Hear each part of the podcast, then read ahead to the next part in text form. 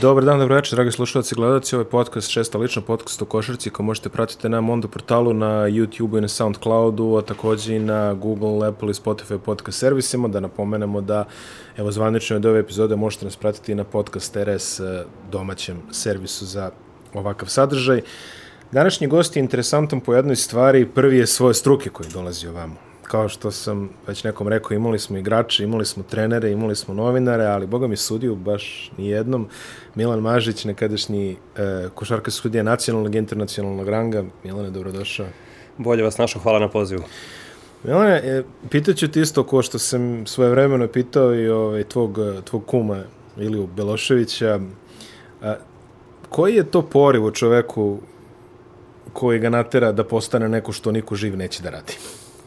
Sadomazo, da. E, dobro pitanje, mislim, ja sam, obzirom da sam gledao ovaj, intervju koji si radio sa, sa Ikom, ovaj, začudio sam se što je u, prav, u principu odgovor jeste isti. E, svi smo igrali neku košarku, zavoleli je, bavili se njom jako dugo i došli smo do trenutka kada nam je neko rekao je, majstore, nemaš pojma i aj sad ovaj, dalje nešto, a valjalo bi ostati tu negde. Mislim, ja sam igrao od, od svoje desete godine do 21. aktivno košarku, došao do drugog ranga takmičenja u tadašnjoj Jugoslaviji, što je bio sjajan uspeh, ali za ovaj, jednog duplog jarca u horoskopu to nije bilo dovoljno, ja sam teo da budem vrhunski i pokušao sam da radim nešto drugo u košarci što će me izdvojiti. Paralelno sam počeo da sudim i paralelno sam bio trener kao trener ovaj, osvojio jednu zlatnu medalju u, sa pionirima u onoj McDonald's bivšoj ligi staroj. Mm -hmm. Kao sudija vrlo brzo krenuo da napredujem, nekako se odlučio kada sam morao da, da prelomim i otišao u sudije. Valjda je ispalo dobro. Ti si sudio od 91. ako se... Od 91. da položio, pa I onda si skoro 30 godina staža u suštini. Tako je. Tako je, da.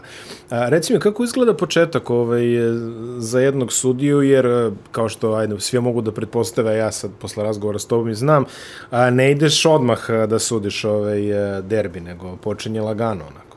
Početak najteži, apsolutno, i kad su me pitali ranije koja je najteža utakmica, prva je najteža jer na prvoj utakmici nisam znao gde je levo, znači to je katastrofa bila potpuno. A sudio si neke ovaj, pionire? Sudio sam pionire i to čuvenu partizanovu generaciju 79. godište sa Ratkom Vardom koji je tatek došao, to je bilo, mislim, ta ekipa je bila kao grom, posle bili prvaci Jugoslavije i tako dalje. Ali ja stvarno nisam znao gde je levo na toj pionirskoj utakmici i to mi je toliko bilo stresno i teško da ovaj, danima nisam mogao da spavam posle toga. Tako se počinje pioniri, kadeti, uh, juniori, Bogu hvala u Beogradu u to vreme strahovito razvijena košarka, puno liga, dve beton lige, pa onda prva, druga srpska liga, pa prva srpska liga, pa onda prva B liga, pa prva A liga. I tako polako. Trebalo bi godinu po godinu, a ja sam imao sreću ili znanje ili kvalitet da vrlo brzo isplivam ovaj, do te prve B, odnosno prve A lige. Kako izgledaju ovaj, kvalifikacije? Kako izgleda sistem ocenjivanja? Imate li neke testove i tako dalje? Kad treba da pređeš ono sa ranga na rang? Da, ima dve stvari koje su vrlo bitne i prva stvar je to, to gledanje utakmice, odnosno ocenjivanje na svakoj utakmici koja se gleda, to je jedna stvar. A druga... Ko, izvini, ko vrši ocenjivanje? Uglavnom bivše sudije. Znači, sad na mlađim kategorijama delegati koji su bivše sudije, na nekim rangovima druge srpske lige, bili prve srpske lige i tako dalje. Kako se gore ovaj, ide ka, ka vrhu, onda već postoje kontrolori u publici koji sede i samo to rade. Pored tog ocenjivanja, druga stvar je rang koji imaš sudijski, počinje se od tog e, regionalnog ranga, onda se ide na, ranije bilo republički i savezni rang, tak, to odnosno jedna, dve i tri zvezdice, tako da, smo da, mi to da, zvali. Da, da. I četvrti je međunarodni rang koji ti dozvoljava, znači sad bez jednog tog ranga ne možeš da sudiš, bez republičkog ranga nisi mogao republičku ligu suditi, bez saveznog ranga nisi mogao saveznu ligu suditi i to je otprilike e, drugi uslov bio čisto da pojasnimo za ljude kojima ovo zvuči neverovatno republički, značilo da bi mogu sudiš samo srpsku, ali ne i SRJ ligu. Tako je, samo srpsku. u to vreme, zato ja kažem, u to vreme je to bilo... U to vreme da. je to bilo tako i ovaj, e, Savezna liga se naravno odnosila na ligu koju smo igrali zajedno sa Crnom Gorom, pošto je to tad bilo su, jeli, dve republike. Tako je, tako je. Tako da, ovaj, ti si do Savezne lige, do Saveznih rangova došao si kada? Neke 95. 6. kako si? 96. godine, to je bilo onako nepojmljivo brzo za, za ovaj, pošto sam nabrojao da treba treba 7-8 godina, pa ovaj, ja sam za tih eto 5 godina uspeo da iskočim gore. E, negde je tu najzaslužniji bio profesor Radomir Šaper koji u to vreme se bavio sudijama u, ovaj, u, u Jugoslaviji koji je jednu grupu od desetoro nas mladih sudija gurnuo sa Srpske lige onako u, na, na vatreno krštenje gore na savezni rang takmičenja i ovaj, tako sam ja nekako upao u tu grupu. Uh, zadržimo se sad još malo na, ovaj, na tim nižim ligama. Mnogi igrači su pričali da im je iskustvo igranja nižih liga u tom nekom periodu, znači govorim recimo od 95. do 2003. četvrte, kad je već i ukinuta, čini mi se ona prva B liga, ili ovaj, kako se to već zvalo, a, da im je to bilo neprocenjivo iskustvo u smislu sticanja nekih, neću kažem igračkih kvaliteta, već ću reći igračkih fazona, da se tako izrazim. Znači, jednostavno igrači bi isticali neke nekonvencionalne veštine igrajući u nižim rangovima koje bi ih mentalno, a i fizički, pripremale za ovaj, okršaj na najvišem nivou. Kako to ide kod sudija? Vrlo slično. E, pored toga što mi smo imali znači, na tim betom, čuvanim betom ligama, pričali smo o tome da ti, ti se sećaš tih, tih vremena. Da. Na tim čuvanim betom ligama je bilo strahovito dobrih igrača. To je bilo igrača koji bez problema bi sada mogli da igraju Jadransku ligu po svom kvalitetu. Međutim, oni su, to je njima bilo, kako bih ti rekao, hobi. Jednostavno su oni to amaterski igrali za, za određeno, svaka ekipa imala po jednog tog ovaj, starog igrača koji je bio pun iskustva i odlično igrao košarku. I naravno za sobom vuko sve te klince koji su se tada edukovali na, na, beton te, na tim terenima, betonskim terenima. Za nas opet posebno iskustvo, betonski teren koji nema tribine, koji ima publiku koja stoji oko linije, vrlo često i neprijatnih da iskustava. Bilo, bilo i ovih sa tribinama, čini mislim da je Bask imao tribine. Bilo i sa tribinama, da, jeste, ali manje. Manje je bilo. Više je bilo onih što su bili u njivi, kao na primjer, šta ja znam, u Boči smo imali situaciju da je čovek utarao traktor na polovremenu na, na sred terena i kao ajmo ljudi kući svi polako, jel ne sviđa mu se rezultat, mislim. A, na to, znači bilo je toga. bilo je svega. Vidim, moja omenjena priča, ovaj, generalno, ja sticam interesantnih okolnosti, živim u Vrčinu, ali ovaj, igrao sam u Vrčinu pre nego što sam živeo u Vrčinu i sećam se terena koji je išao uzbrdo. Ta, da, to sam sad teo ti kažem. da, okej. Okay. I ja ga se sećam. Tako da, ovaj, to je bila svojevrsna prednost domaćeg terena, kada ovaj, prvo te izmore ovaj, u, Da, napadaš nizbrdo ili uzbrdo. Da. Napadaš nizbrdo ili uzbrdo. Ali uglavnom su domaći umeli, imali tendenciju da drugo polovreme napadaju nizbrdo. Mislim što je stvarno... Vidi, bilo je terena sa nižim obručima, bilo je terena sa manjim obručima, bilo je terena sa pomerenim bilo je svega, mislim, stvarno. Ono, bilo je drmanja koševa, bilo su pitbullovi ispod tabli, bilo je svašta. Bilo je svega, ali okay. to je ono što te nekako nauči da, da ovaj, sva ta atmosfera da budeš svoj, da, da imaš samopouzdanje u svoje odluke i da istrpiš odluku, mislim, svoju.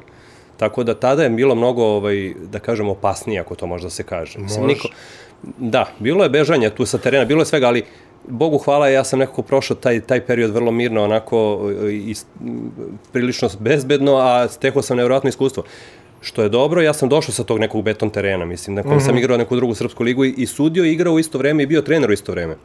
Tako da sam imao negde neki skill kako da se izvučeš. I kako Iz... onda to izgleda kada završiš sa tim ono a, nižim rangovima i onda ovaj, uklo, odjednom se sad ono sudiš, ne znam, u pioniru, u morači ili kako već. Uh, izgleda, izgleda da, da strahovit skok. Uh, izgleda, ta, u to vreme je teško bilo prići čak i tim sudijama koje su vrhunske bile, koje su vukle ligu. Mi smo, ja sam išao, ja sećam da sam molio da mi daju da vodim vreme na nekoj utakmici da bi se rukovao sa Tomom Jovančićem. To je bilo za mene, wow, kao čovek, u to vreme bio vrhunski sudija. Ovaj, bilo je vrlo teško zato što nismo mogli maltene ni da im priđemo i ovako smo bili uplašeni. Međutim, uh, ono što je bilo dobro, uh, baš Raša Šaper je dao negde, uslovno rečeno, nalog ili kako bih rekao, savet tim starijim sudijama da nas sačuvaju i mi smo tu dobili stvari prave mentore, uh, stravične mentore, mislim, koje, sad u ovo vreme mislim da to je bilo onako jak, mnogo veće klase nego što je sad. I, i ovaj, Tihomira Bubala, pokojnog, i Crnog Dimitrijevića i Ljucu koga smo spomenjali i ovaj to su bile i Tomu Jovančića i to su bile stravično jake sudije i sa njima smo mi sudili te utakmice kao uh, ispomoć ako mogu tako da kažem i oni su nas negde čuvali. To je bilo otprilike Ljuca smo spomenjali, ja sam ja rekao da mi je najopečetljiviji sudija Stejer zbog svoje afro frizure. Ovaj. To je jedini, mada čini mi se da je bio dosta ono, kad, kad, kad setim ono sudije, suđenje derbije, Ljuca Jovčić, Ljuca Jovčić, Ljuca Jovčić i tako je ovaj, generalno izgledalo to. Ljuk je bio svoj i nije dao na sebe i to je u stvari ono što, po čemu ga mi ovaj, kao sudije onako, pa, ne pamtimo nego i sada, ovaj, on sada radi kao kontrolor, ali to je njegov pečat u njegove karijere. Ljuca nije dao na sebe i on je gurao po svom. Bio je jako dosledan, to se seća. Apsolutno. I volao da svira korake, mislim, i to je bilo... ja, ja se sećam, pričao mi je jedan moj uh, prijatelj iz, iz gimnazije koji je igrao Zvezdine juniore. On, on i sad Ljuca je sudio, hvala Bogu, i tada juniorske rangove i sve to takođe. I onda je on meni rekao, ovaj, kaže, vodimo 58 razlike, nije bitno. Utakmica se završava, kaže, ja izdriblavam, izdriblam, ovaj dođe, lupi mi bez veze, ovaj me šalje na penale, alo čoveče, 50, ne, ne, ne, struka. Ta. Apsolutno dosledan, da, i, i ovaj, ostoje do kraja takav, to, tako da Ljuki je baš ono, ovaj, pravi izdanak te škole, beogradskih sudija, mislim, Tošović Zoran, koji isto nije više sa nama, mislim, baš dobrih sudija je tu bilo. Koja je prva utakmica Saveznog ranga koji se sudio u prvoj ligi? Da, to je ovaj, uh, utakmica Iva Partizan. Jer to ono sa, kad sa Tomom je... Jovančićem. Jer to je Iva dobila, čini mi se. To je Iva dobila, da. Da, da.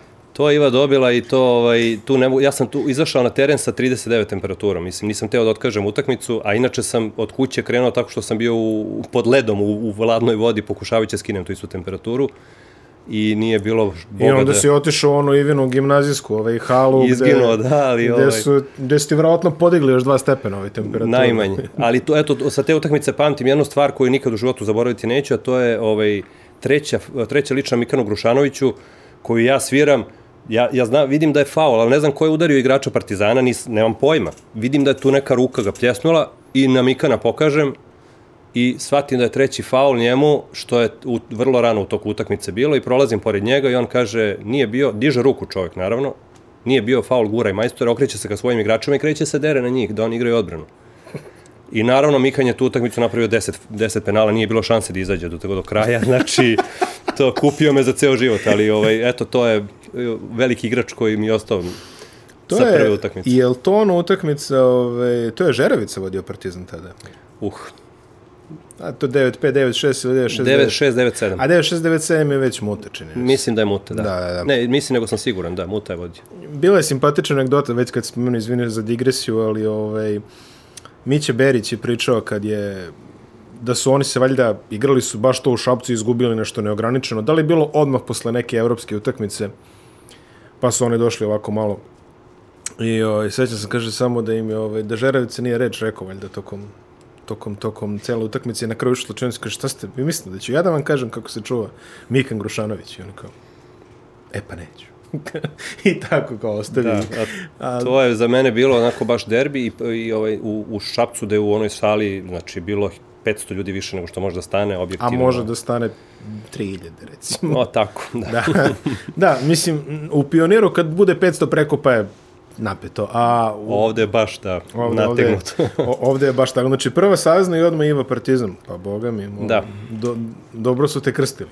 Jesu, boga mi, ali eto, Toma Jovančić bio tu sa mnom koji je apsolutno izvukao veći deo te utakmice, ali ja sam onako pripomogao, što kažu. Kako je to išlo onda, ovaj, kako je to išlo onda dalje? Kada se sudio prvi derbi, kada se sudio u Morači prvi put?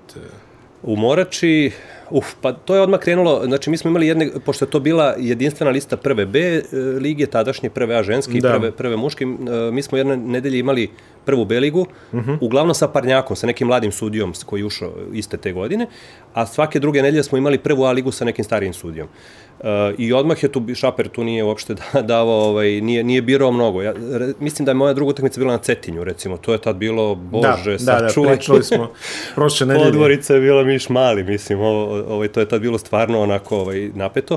Uh, bio sam u Podgorici odmah prve sezone. Ne mogu da se setim tačno koja je utakmica bila. Rekao sam ti da mora pogledam svoj dnevnik, da, da, da, da uđem da, da, da vidim. Ovaj, davno je to bilo, već ovaj, 96. eto, 24 godine.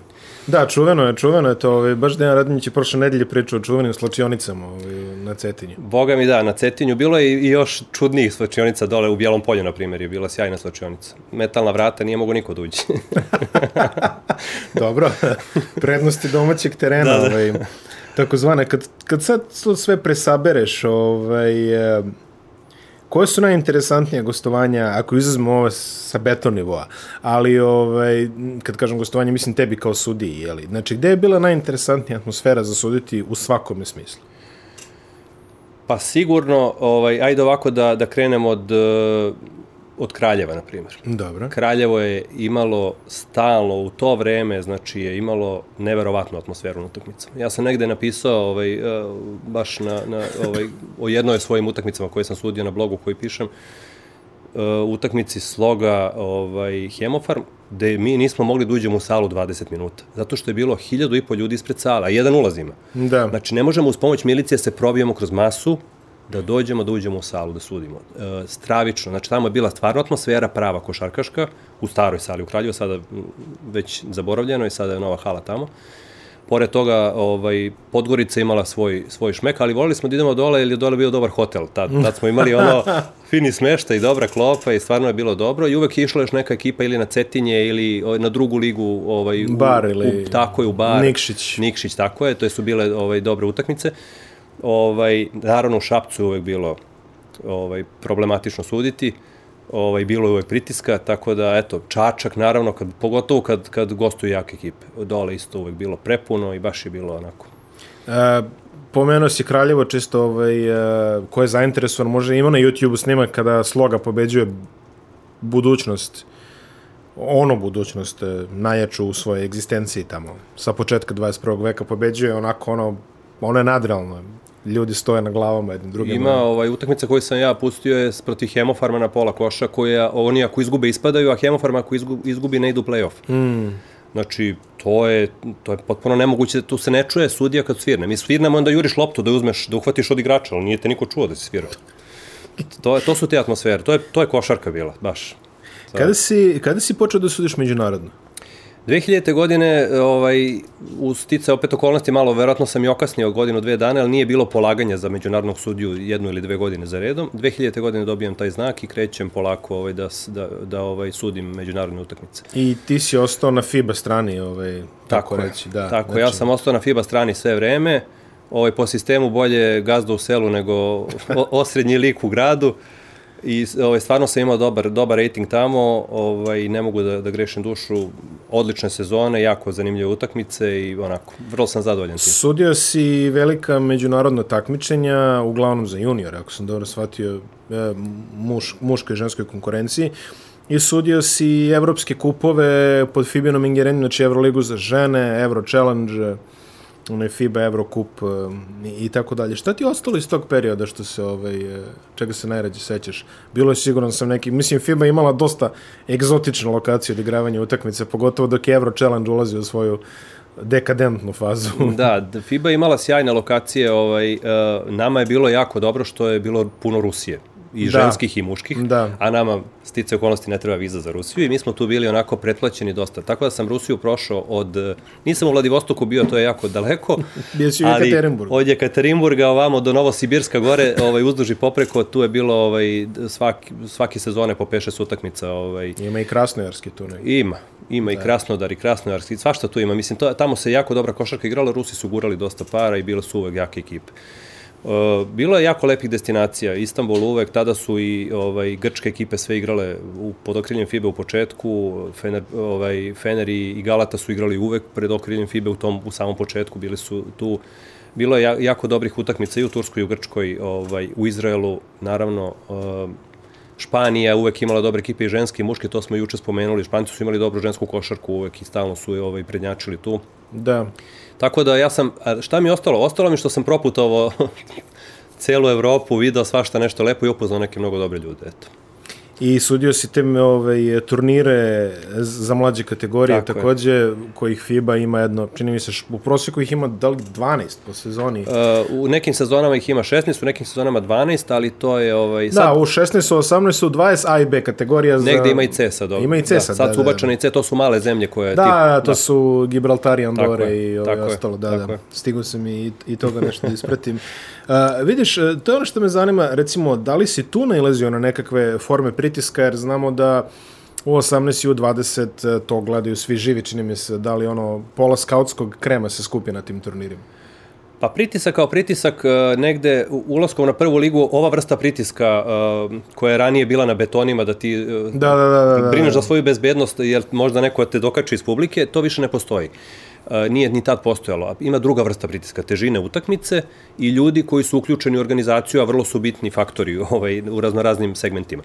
E, eto, ja sam bio, stice okolnosti, sam bio u, u Madridu kada je u 18 evropsko prvenstvo, gde je bila kontraverzna utakmica koju smo mi ovaj, igrali, gde, gde, gde smo osvojili zlatnu medalju, jer smo u polufinalu uh, Uh, odnosno u kvalifikacijama pustili, pustili, mislim, nije dokazano naučno, ne, ali, ne, naučno ne možeš dokazati. ovaj, ali smo pustili, o, da, i bila ta čudna utakmica gde, gde Španija na kraju nije ušla gore, ovaj, tu su bili, recimo, tu je bio pritisak svake vrste. Ovaj, na mene koji sam ja osetio, bez obzira što, što nisam bio član ekipe, ali sam bio deo delegacije srpske. Mm -hmm. I svi su tamo osetili vrlo taj pritisak i bilo je onako vrlo, vrlo ovaj, napeto. Na primer, eto, to je jedna, jedna od stvari koji su mi sad pali na pamet, ali verujte da košarka koja se igra po Evropi, u tim klubovima, to je potpuno druga dimenzija, izuzev nešto malo Grčke, Turske, Izraela, gde je malo južnjačka krv onako zna da bude, inače ovo ostalo je sve onako vrlo lagano. Nemačka utakmica, ja sam, sudio sam u, ne, u utakmicu u Španiji gde oni izgube pola koša u produžetku i ne plasiraju se na Final Four. Zbog toga. I mi sedamo na večeru i oni svi, po kakvi, to je poslednja utakmica u sezoni, oni se grle, kucaju se sve. Ja pitam ono toliko ljudi, ste normalni? Kako može to što ja, mi, nas trojica osudija ono najpotišteniji u celoj priči, kao, ono, osjećamo se loše, znaš. A oni svi kao, pa, pa mi smo, kažemo, naš posao uradili kako treba, to je, idemo dalje, bit će sledeća sezona, ima tu. Tako da je to potpuno druga vrsta ovaj, pritiska koji tamo postoji. O, ono, što, ono što je možda najzanimljivije, da kažemo ovako, u, u, dok sumiramo tvoju karijeru, su neke sudijske rutine. E, kako izgleda dan utakmice za jednog sudiju? Dan utakmice je specijalan dan. Znači, ja sam do poslednjeg trenutka, bez obzira koja je utakmica u pitanju, da li su juniori, ili je to Fibina utakmica koja mi je vrlo bitna, ili je derbi, uh, od ustajanja ujutru tačno određeno vreme do uh, kretanja u halu u tačno određeno vreme je sve isplanirano i po ustaljenoj šemi. Doručak u određeno vreme, znači ne čitaju se novine taj dan, ne gleda se televizija taj dan, ono što se gledaju jesu snimci utakmice tih ekipa, znači na, za važne utakmice da apsolutno i scouting i pripremanje i gledanje kako, šta, koji igrači šta rade, koji vole da padnu na falu napadu, koji prave prljave blokove, kretnje, znači koje pokušavamo da vidimo, da vidimo gde se, gde se bazira gužva na terenu, gde možemo da se postavimo da očekujemo probleme. Zatim, apsolutno ručak i odmor ovaj, u tačno određeno vreme. Ja sam volao da jedem 5 sati pre početka, isključivo tačno određenu hranu i tako. Mislim, vrlo pakovanje opreme, poseban ritual, da se nešto ne zaboravi i tako dalje. Ovaj, kao klinac sam sve, sve što sam mogao da zaboravim kao klinac sam zaboravljao i onda sam naučio tu lekciju i pištaljku i patike i svašta nešto. ovaj, al, uh, to je specijalna stvar i kretanje na utakmicu, sam dolazak, preslačenje, zagrevanje i sve ostalo što, što ovaj, utakmica prati i taj post game i sve ostalo što se posle utakmice dešava. I naravno sutra se ne čitaju opet novine, jel? ne, ne, ne čitaju se portali, portali ne Portali, nema ništa, to je, to se ostavi. A, reci mi, ti si imao, imao se priliku da, da budeš u košarci tokom, ajde da kažemo, možda i najintenzivnije evolucije evropske košarke koje ona preživela ovih poslednjih 20-30 eh, godina.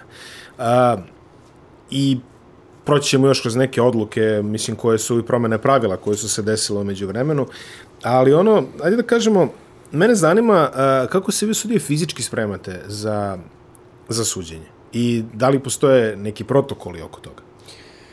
Uh, to je e, jako opširna tema i zanimljiva. Ja ću probati da to skratim, da zavijem onako jednu kratku, ovaj, kratku pričicu. E, mi, nama sezona traje 12 e, meseci. Sudijama sezona traje 12 meseci. Baš zbog ovih letnih turnira koje si da. spomenuo da. i mi nemamo leti pravo na odmor. Uh, u tom sistemu takmičenja kakav je postavljen, mi nemamo aps, apsolutno ono, ajde kao idem na more i na moru ležem na plaži. Ne. Da, idem na more, ali treniram na moru jer nemam vremena da oborim formu da bi ponovo podigao tu formu za, za turnir koji je vrlo bitan, ali tamo ću suditi neko prvenstvo Evrope, da li je to za junior ili za kadete ili nije ni bitno. Da. Mora da se dođe spreman zbog toga što se tamo gledaju utakmice e, i to ti određuje sezonu. Kako si sudio turnir, tako ćeš suditi sezonu. To ti određuje da te, kako te rangiraju. Znači, to je ono što sad mi nemamo taj pripremni period, e, praktično ovaj, i vreme za odmor u toku leta, pa onda pripreme, nego mi se spremamo sve vreme. Apsolutno imamo testove, testovi su bili uh, dva do četiri puta godišnje, zavisi kakva je godina u pitanju. Mm -hmm. Dva puta najmanje, četiri puta najviše. To su testovi fizičke spreme. Trči se kuparao test koji je jako zeznut i vrlo je naporan. 20 metara se razmeri dve linije i onda se na određeni zvučni signal Aha. trči od linije do linije. Uh, vrlo naporan za aktivne košarkaše, vrlo naporan. Uh, a ovaj, koji traži onako, mislim, mesec dana sigurno priprema fizičkih, ozbiljnih fizičkih priprema po programu koji ti neko napravi. Znači, to je pretestiranje mesec dana priprema. U toku sezone, koliko god je moguće, koliko putovanja dozvoljavaju treninzi usput. Putovanja su naporna, ona vuku i dosta umaraju i dosta, dosta vremena oduzimaju, tako da vrlo često se desi da dve utakmice utorak, sreda u Evropi, ponedljak krećeš, petak se vraćaš, subotu sudiš opet neku utakmicu kod nas, ritam je nenormalan i onda u hotelu eventualno odradiš neki footing na traci ili nešto, koliko uspeš da samo da, da održiš neku formu. Tako da, uh, sudije 12 meseci, pa eto je puta broj sezona, umorio sam se, mogu ti reći. Um, ovo sam možda mislio da te pitam i na kraju, ali ajde, pitat ćemo, pitat ćemo sada, jer ovaj drugi deo emisije volio bi više ovaj, da, se, da se bavimo nekim interpretacijama pravila, pravila, izvinjam se. Tako da, sudio si derbije. Uh, koliko je zahtevno i teško suditi derbi? Mnogo najzahtevnija utakmica, ja sam potpuno ubeđen, bez obzira uh, koji rang sudiš takmičenja i šta sudiš, da je to najzahtevnija utakmica za svaku sudiju u Srbiji. Uh, definitivno uh, ne postoji nešto što je teže. Zato, mislim, lako je, ok, odeš, odsudiš final utakmicu Final Fora i pokupiš se odande i dođeš nazad u Beograd. Da. Ovde odsudiš derbi i tu si i tu si ispred na crti, mislim, svima tim, uh, ok, ljudi koji igraju i to prođe, on njima to deo, deo posla, ali navijačima to nikad ne prođe. I uvek se negde, mi, mi smo imali situacije da mene jure, idem da, sud, da gledam utakmicu, oni me jure tamo po, oko pionira, razumeš, hoće me biju. Zato što smo me prepoznali, sam sudio neki derbi ili neku drugu utakmicu. Derbi je mnogo nezgodan, derbi vuče pritiske koji su stravični, koji su e, ne pritiske da tebe neko zove da ti preti, nego pritisak jednostavno toga, te važnosti utakmice i onoga što nosi u publici. Vreme, ranije, koje smo mi sudili, nije bilo ovoga samo zvezdini navijači, samo partizanovi navijači. Ne, ili, bilo je, da. Bilo je mešano, tu si imao šansu da se pobiju, tuču, znači tu je bilo svega, sve je bilo potpuno u opticaju. I nekako je to za nas sudije bio poseban stres za svakog od nas i ja verujem, evo ja sam to negde rekao, svako od nas bi platio da ne sudi derbi. To sam potpuno ubeđen. Bez obzira što to nosi onako jedan pečat karijere i tako dalje, ali svako od nas bi platio da se tamo ne nađe na terenu. Jer ima neka koji ti ostao posebno sećanje, sudio si pa, više njih. Taj, mislim da je taj poslednji koji je, ovaj, da, da je bilo ono čuveno gađanje lopte iz publike ovaj, Duleta Vujoševića, taj smo nekako završili, mislim da je trajala utakmica 2 sata, recimo i 20 minuta. Dobro, to je sad i norma za derbi. Ovaj, da, realno. to je baš bilo, taj, taj je baš bio, bio nezgodan i svega je bilo i sad sam skoro gledao snimak te utakmice. mogu ti reći, razmišljao sam se kako smo izveli ono da završimo do kraja. Bez problema. da, um, ume, ume, da bude, ume da bude jako neugodno. E, pričali smo o evoluciji košarke u Evropi, pričali smo o evoluciji e, pravila. Nekoliko stvari bi volao da te pitam tvoje mišljenje kao čoveka koji ima enormnog internacionalnog i nacionalnog iskustva. Prva prilika je šta misliš o promenama pravila gradualno gledano koje su se izdešavale, znači ti si uhvatio i polovremena, i trojku od 6.25, i sat od 30 sekundi. Uh, I u jednom momentu imao si bacanja 1 za 1. Tako je. I ostalo počeo se 91. Ja ne znam kada je to izbačeno, ali 93. četvrte. Više Tako sad. je, negde, 90, ja mislim 93. Da, 93. u finalu, pamtim, Berić šutira bacanje 1 za 1 protiv Zvezde, ovaj, pogađa prvo promašao drugu, pa je bila ona sa pola terena a, Trifunovićeva, ali um, znači da neke 93. recimo to ukinuto. I sad si tek imao proširenje trojke i različite interpretacije. Da li misliš da je košarka kao igra oslabljena uh, za neku promenu pravila? Konkretno evropska. Pa evropska košarka u pravilima sve vreme ide kaska za NBA-om, uh, pokušavajući da uhvati taj ako mogu da kažem, to, je, to nije priključak, to je više taj priključak uh, popularnosti sporta. Da. A sve NBA, uh, NBA pravila su napravljena tako da to bude atraktivan sport. I sad ako vratimo nazad, mi smo imali utakmice bez trojke da je bilo po 200 pojena na utakmici. Jasne. I bez produžetaka, i ozbiljnih, ali nije bilo takve odbrane. Ova košarka kako je evolirala, ja sam e, pre polaganja imali smo 3 za 2 slobodna bacanja. Ja sam to zakačio čak, učio sam to pa sam polagao po nekim drugim pravilima ali bilo je dva, šutneš, pa ako ne daš jedno od dva, da imaš i treće šansu da šutneš. Ne toga se ne sećaš, da. pravilo, da. da. Ali ovaj, e, od toga preko jedan za jedan do onoga da nisi, da bilo izbor, hoćeš jedan za jedan, nećeš jedan za jedan. Da, to. Pa možeš sa strane, pa ti to na kraju tri minuta možda pola koša držiš loptu da ništa da. se ne desi. Ovaj, do toga da mora se izvodi jedan za jedan, pa onda ovo sve dalje. Nekako je napravilo da košarka uh, uh, pre svega ubrza, maksimalno ubrza Znači 8 sekundi za prevođenje lopta umesto 10, 24 sekunde za napad umesto 30. Da. Ovaj, sve, sve je napravljeno da košarka maksimalno ubrza. E, e, Naravno, odbrane su se pojačale, fizičke predispozicije igrača su strahovito porasle, oni su postali ozbiljni fizikalci Da, da, da. i moraju ozbiljno da treniraju. E, tako da, e, ja ne mogu da kažem, e, iz ove perspektive, nostalgično je lepo je ono što smo gledali nekad ranije, da ti imaš 200 pojena na utakmici, a nema trojke. Ali Da. imaš 200 pojena, ali nije to moglo da se održi. Ja lično mislim da onako košarka ide u pravom, pravom smeru. Minut ću samo da ti ukradem. Pravila, promene pravila se rade vrlo specifično. E, FIBA e, godin, u toku godine ima forum na kome svako od nas koji je gledalac, znači može da se javi i da kaže, e, nešto mi nije jasno. Zašto je ovo ovako? Ili, gledao sam utakmicu, desilo se ovo, što je ovo ovako? I oni skupljaju te ovaj, odgovore u toku godine, formiraju e, grupe koje su bazično e, ne, nerazumljive i shvate da ako normalan prosječan gledalac ne razume nešto ili mu nije logično, da to treba da promene u pravilima. Tako da tu radi ozbiljan tim ljudi i ja verujem da oni usmeravaju to, na, mislim, to su trust mozgova, što ja kažem, ovaj, koji znaju šta rade, pretpostavljam da usmeravaju košarku u dobrom smeru. Da li bi neko pravilo vratio? Ma, mislim, hipotetički gledano. Da, da imaš sad tu moć. Da li bi nešto vratio? Pa Ne. Pazi, iz, iz nekog mog kruga društva mnogo ljudi žale za jedan za jedan bacanje. Jer, navodno, deluju stimulativno na ovaj napeto je mislim da kolač košarka i dalje ima jedan za jedan bacanje nisam siguran su i ukinuli među vremenom nisam ni ja siguran. Uh, ali bilo je do do nedavno Vratio bi, vratio bi gomilu sitnih pravila koje, ja mislim da normalni gledalci ni ne znaju da postoje. E, nešto od toga bih sigurno vratio, ali od ovih krucijalnih velikih, e, mislim da ne. Mislim, oni su pokušali, evo, strelica je probana. E, nisam bio fan strelice Nije niko bio fan strelice, vraća se na podbacivanje. Mislim, podbacivanje je lepa stvar, to je nešto, kako bih ti rekao, to je deo koji je naj, naj, naj, pa je poštenije tako je.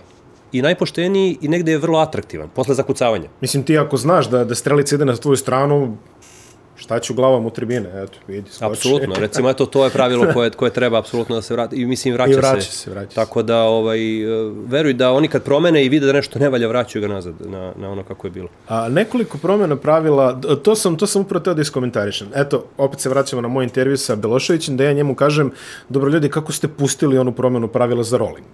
Znači, to je bila sezona 17-18, a, do sezone, recimo, 16-17, mogo se da uradiš onaj konvencionalni rolling, da, s- i to je bio jako atraktivan potez.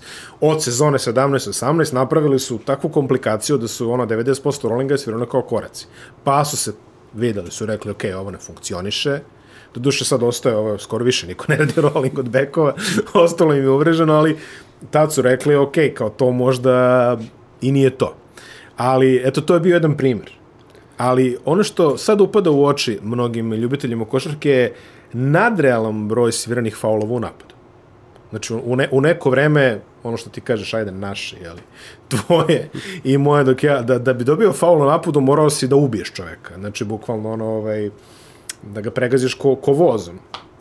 Sad se dobiju tone faulova napadu za izbačena lakat u bloku, za, za tako neke nepropise. Šta misliš o tome, na primjer? Pa e, sve vreme oni potenciraju da je odbrambeni igrač i igrač napada se ni po čemu ne razlikuju Da, o, na terenu. Kada bi izolovao tu dvojicu igrača, razlika je što ovo ima loptu u ruci. da. I to je to. U, jedan ima loptu, ovih četvorica drugih nemaju loptu, čak znači četiri druga para i nemaju nikakvu razliku između sebe. I e, na tome se već dugo insistira i da, da jednostavno se nađe linija gde, gde oni imaju ista prava. E, ovo što se sad sve svira jeste po pravilima igre.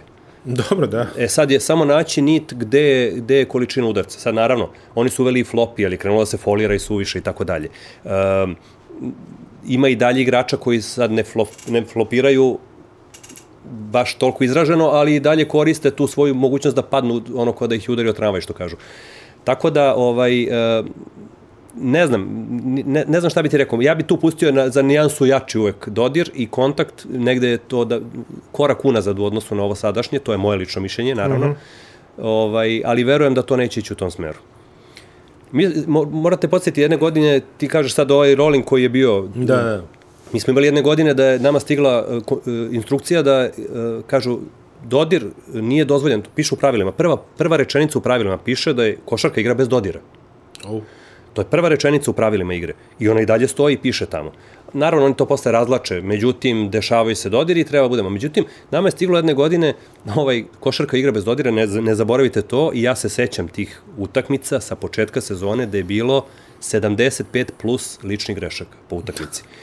I to je bilo nenormalno, oni su videli da to ide potpuno na nenormalnu stranu i onda su vratili nazad ovaj, Tako da to ti kažem, što, oni kad vide da nešto stvarno, taj rolling je košarkaški ja sam ga učio kao klinac, učio sam svoju decu kad sam bio trener, to je košarkaški pokret. A, ti se sećaš i nas su kao klinca učili da kad ovaj polažeš, e, jednom rukom polažeš, drugom rukom sklanjaš. A sad, ovaj, sad ne smiješ. Sad ne smiješ. to, da, to je bila sasvim legitimna taktika Absolutno. da ti odjednom ne vidiš ništa, skočio si u bloke i dobio si ovako. Da, da. Ove, si to, to sad više, jeli, ne sme da se radi.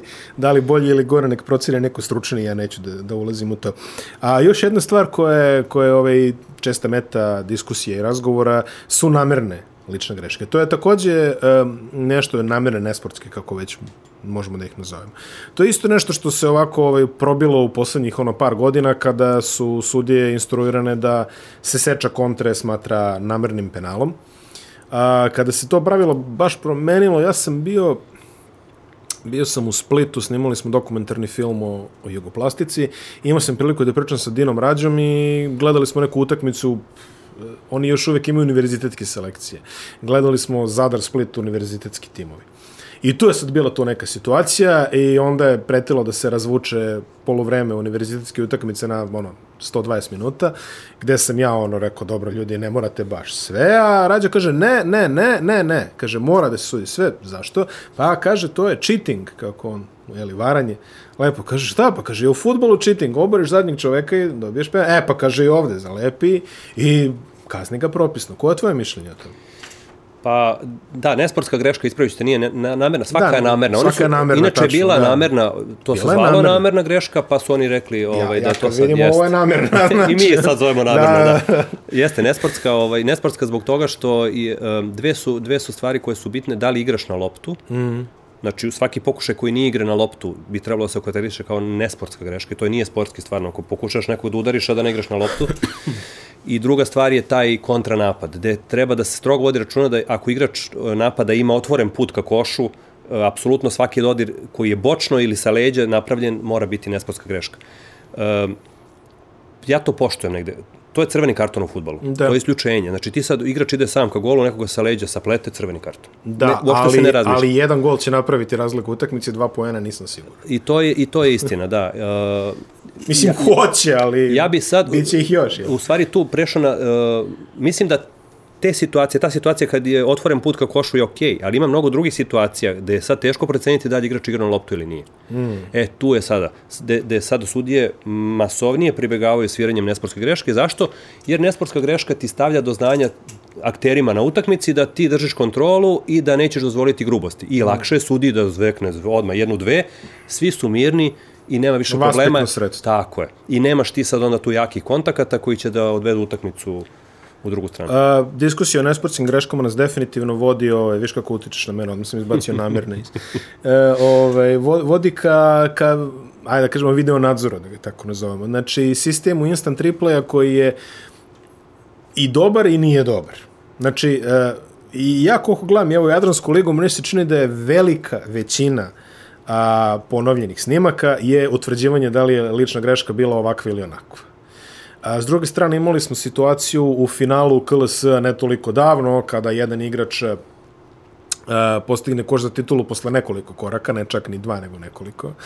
I e, sudije nisu u situaciji da mogu da ponove taj snimak, jer koliko sam ja shvatio propozicije, ne mogu to not challengeable, što bi rekli amerikanci. Znači, oni to nisu mogli da, da, nisu mogli da vrate film, jer niko nije ništa sudio. Ajde, kao da je neko sudio, možda bi mogli. Znači, po mom gledanju te, te tehnologije, ovaj, po mom gledanju eh, te tehnologije, ja mislim da bi možda bilo uh, najpametnije da se uvede američki sistem iz američkog futbala. Zastavice. Zastavice. Znači, imaš uh, tri, tri zastavice, a svaka zastavica koju ulodu iskoristiš ti je time out i vidiš šta ćeš. I naravno, uz, uz dodato da je unutar dva minuta je, je sve sporno i sve može da se pregleda. I vidi, e, košarka nije izmislila challenge. Ne, ne, naravno. Uh, challenge je krenuo uh, u nekim drugim sportovima, košarka je preuzela challenge. Krenulo je A preuzela ga je bukvalno kao koncept, bez neke... preuzela ga kao koncept, nisam siguran ja da je to dobra varijanta. Uh, ti si rekao, koristi se najviše uh, da bi se videlo koja vrsta faula. A ja To je ću ti reći utisak. druga stvar. Koristi se da bi sudije na terenu, čak i kad su sigurne šta se desilo, pogledale i onda rekli da, da, stvarno se to desilo. Jer kad su pogledale, niko im neće reći, ma daj, nije to bilo. Mm. Znači, koristi se da bi se potvrdila sudijska odluka. Da. U 90% situacija. I sudije sad pribegavaju gledanju, čak možda i kad ne moraju da gledaju. Uh, bilo je situ, utakmica sa 15 uh, gledanja, bilo je utakmica koje su trajale 2,5 sata. To u početku bilo. Tako je. Da. Bilo je svega, ja bi, ja bi to negde isto sveo, ne znam na koji način, ali vidi, svi sportovi imaju challenge, odbojka, tenis. Pa sad i uh, fudbal. Sad i futbal, koji je bio najtvrđi što se toga tiče Jest. i nije dozvoljavao. Ovaj, svi imaju challenge, definitivno u nekim situacijama, ali definitivno ih treba svesti na minimum i to mora biti možda ranije. Možda taj početak uh, uvođenja challenge je bio samo posljednja dva minuta. Da, Tad se odlučuje, mislim. da, da. Tako da ovaj odlučuje se tokom cele utakmice naravno, ali koliko grešaka se napravi u toku utakmice, ne sudijskih, nego i igračkih. Potpuno dobro. je nenormalno da, da se očekuje da sve bude potpuno bez problema do... A, apsolutno. Ne, ali mislim, možeš, e, možeš naravno ovaj, shvatiti ozlojeđenost navijača Partizana u ovom konkretnom primjeru koji vide da gube ti, no okej, bilo je, mo, možda, možda su mogli da je pobede, možda su mogli da izgube u nekom drugom prilikom, ali svejedno vidjeti kako ti titula odlazi na ovaj, ilegalnom potezu je, je definitivno, koji pritom zbog interpretacije pravila ne može da bude preokrenut. Iako smo svi videli o čemu se radi. Da, ja nisam ošte bio siguran, ni- nisam siguran sada da je u tom trenutku u Pioniru bio IRS sistem koji Okej, je to, koji je to moguće toga. da je to bilo ovaj ali u Moguće. pravu si da oni Oni nisu svi su, mogli, da. nisu mogli da gledaju. Nisu mogli da gledaju. Što je je. sasvim bizarno, znači imaš, imaš s jedne strane, oni su mogli da gledaju pet minuta da li je bila nesportska lična, ali nisu mogli da posvete minut nečemu što je rešilo sezonu. Da. Znači, apsolutno možeš ovaj, e, s punim pravom, zaista, navijači Partizana mogu biti uzlojeđeni oko tog poteza. E, S druge strane, desit će se i njima nešto u tu korist, mimo te korist. Tako da, ja mislim da ovaj, e, generalno gledano, taj sistem sa zastavicama i to obavezno gledanje unutar dva minuta, ma šta god bilo, je realno nešto što, što, evo, što, je, što je neko moja ideja. Sigurno treba naći drugi modus e, i ograničiti apsolutno to gledanje na određeni broj situacija. Mislim, jel ovako može da prođe pola utakmice na gledanje A snimaka. jeste, slažem se. Na kraju krajeva, mislim, meni je to, e, to mi nije sudijski. Ako sudija pribegne 10 puta gledanju snimka, nije, pa mislim, šta ćeš na terenu? Pa to mi je labav autoritet sudija Tako u je. tom slučaju. Tako mislim, ono, ako si 10 puta morao da se vraćaš do snimka. Tako je, up- upravo to, mislim, nosi odluku do, do onoga kad baš mora da se pogleda da... da... I iskreno, iskreno govoreći, ovaj, pojačava ozlojeđenost kod običnog navijača. Mislim, ako, ako je instinktivna odluka na terenu, svako može da oprosti čoveku, ok, napravio si grešku, ajde, šta sada, ide, ideš dalje, jeli? Ali ako si se vratio, pa si pogledao, pa ne znaš, pa pogledaš, pa ne znaš, pogledaš, pa još bude protiv tebe. Ubija ritam utakmice, to je sigurno, a sudijske greške su deo igre košarke, mislim, Apsolutno. i to, je, to mora da stoji kao tako. Apsolutno. Približavamo se kraju i volao bih da ti pitam još samo par stvari. Ti se ovaj, isto kao i ja baviš arhivatorskim ovaj, poslom eh, Od skoro. od skoro ovaj, starog juba materijala, a imaš uh, YouTube kanal na kojem postavljaš utakmice koje su odigrane pre 30 25-30 godina i tako dalje, uglavnom iz te neke ere. Od mene ti hvala na tome. Ovaj, tako sam ovaj, i, i saznao, što, što kaže jedan prijatelj, kaže, ti ne znaš sudiju Mašću, preko čim ga ne znam, znači da, da, je- da je znao svoj posao, da. generalno, znaš. Ovaj, e, zato sam, hvala Bogu, pukla zapamtio za vijek vjekova, kad je sudio ovaj, protiv Zvezde, ono, ona tri penala što je Dekolo bacio sa pola terena, to znači ono, kad budem umirao, seću se ko je to sudio. Ali, ovaj, generalno ovo, kažemo ovako, tako da draži mi što ćete pamtim po tome što si postavio neke utakmice na, na YouTube kanal i takođe pišeš blog ovaj, na MVP portalu a, kojim se, gde takođe prezentuje šta je video materijal i pišeš o nekim ovaj, sudijskim stvarima. A, šta još možemo očekivati da ćeš postaviti u dogledno vreme? Evo, ja imam čoveče, to nosi spiskove. Da, bio sam vredan, ti imaš ekskluzivno pravo da vidiš šta Da. mi još stoji u biblioteci. Spi, spiskovi postoje, ovaj, Jeste, da se, da se tako sve- o, ovo je sad ono, Sve sa ovaj... za postaviti, evo, do, evo Partizane, čini mi se, boga mi, dobre dve strane ovde, ovako ima ga, da. Ima dosta, da, bio je, bio je, imao Da, ima jako Zvezde, ekipu. ima i Partizana. Ima, boga mi, vidim i dosta materijala iz regiona, to je Jugoplastika iz eh, 89. 85. E, Sve je krenulo tako što sam ja krenuo da, da svoj ormar sa videokasetama kojih je imalo bilo preko 300 p- prebacim na neki digitalni format i e, naravno kada sam uradio veći deo toga i počeo da vidim, pošto sam do, vrat, vratili su mi nazad materijal sa, po brojevima, bilo su vi- videoklip 1, 2, 3, 8, 57, onda sam otvorio 57 i onda vidim šta je i bilo mi je žao sve to negde e, da ostane. Prvo sam postavio svoje neke zanimljive utakmice koje sam sudio, da bi igrači koji su igrali tad Srpske lige, pokazali svoje deci e, kakvi su majstori bili na terenu. I to mi je bio prvi utisak koji, e, zvali, zvalo me bezbroj, zvalo me desetak igrača i kaže hvala ti, moje dete mi ne veruje da sam igrao prvu B ligu. Da. A stvarno sam igrao, igrao i bio vod- vodeći igrač. I to je negde, ovaj, stvarno mi bilo ovaj, da ostane to negde zabeleženo, a onda su se izronile i utakmice koje ja nisam sudio, koje, su, koje sam gledao, jer sam, kao što vidiš na spisku, su svuda sudije pobrojane, jer sam gledao Da. sudije, majstore Grbca, Radonjića, Radića, Ima tu i dosta internacionalnih Kurilića i tako dalje i tako dalje i, i strane sudije koje Kurilić su iz, iz grada Soli. Tako da, je. da ne idem dalje sad Da, taj da. stih. Da. da, ovaj, ali uh, bit će tu svašta nešto, oko 300 utakmica u mojoj arhivi. Pored toga sam krenuo da postavljam videoklipove sa, sa zanimljivim situacijama. Evo, danas je deseti na, na ovaj, sa zanimljivim situacijama koje su iz aktualnih utakmica koje se trenutno igraju. Kutak za sporni trenutak. Upravo tako nešto, sad sam postavio nešto sa Zenit i Barcelona, ovaj, utakmice koje se igrala prošle nedelje u Euroligi. Tu će biti vrlo zanimljivih materijala ovaj, koje, eto, samo sa ciljem da uh, se košarka sačuva, uh -huh. broj jedan, i pre svega ti snimci, ti, ti stari snimci koji su loše kvaliteta, ali se vide, a s druge strane ovaj, ove sporne, utak, sporni trenuci da normalan narod vidi šta se u stvari tu dešava i ja tu dajem neko objašnjenje u tom smislu da, da ostane negde čisto. Sudije su živi ljudi, mogu da pogreše i to je sasvim normalna stvar, mislim. Ali je bitno da bude jasno zašto je sudija pogrešio i šta je uradio.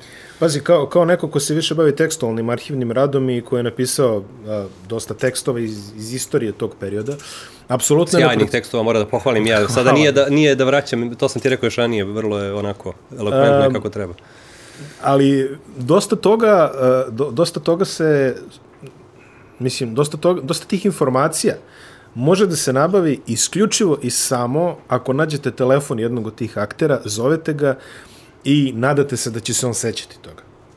A, u, u, u zemlji koja sebe ponosno zove i sa razlogom zove zemljom košarke, a, takav vid rada je neprihvatljiv. Kada sam imao priliku da, da radim intervju sa Žarkom Paspoljem, ja sam sa izvrs, izvrsnog sajta Basketball Reference, koji svi znaju, izvukao log svake njegove utakmice u NBA-u sa procentima, sa brojem poena, sa apsolutno čime. Kada sam mu predstavio to, on se vrlo lako setio Da. šta je gde igrao i kada je igrao. Ovako da ga pitaš, Žarko, šta si radio u Njujorku, ono, za Božić, 89, ne, ne bi znao da kaže. Ali ovako, kada mu izvučeš sve lepo, njemu se vraća film i to sve. Mi nemamo... Uh, to je pritom Žarko Paspalj u, u istoriji NBA-a marginalni igrač. Znači čovjek koji je odigrao 30 utakmica i sve je to dokumentativno vrlo. A, mi nemamo box skorove, mi nemamo rezultate, mi nemamo statistike jednog Aleksandra Đorđevića, nemamo statistike Saše Danilovića, nemamo statistike Mikana Grušanovića u krajnjoj liniji, mimo one divne knjige, monografije o šabačkoj košarci koju sam imao priliku da pogledam.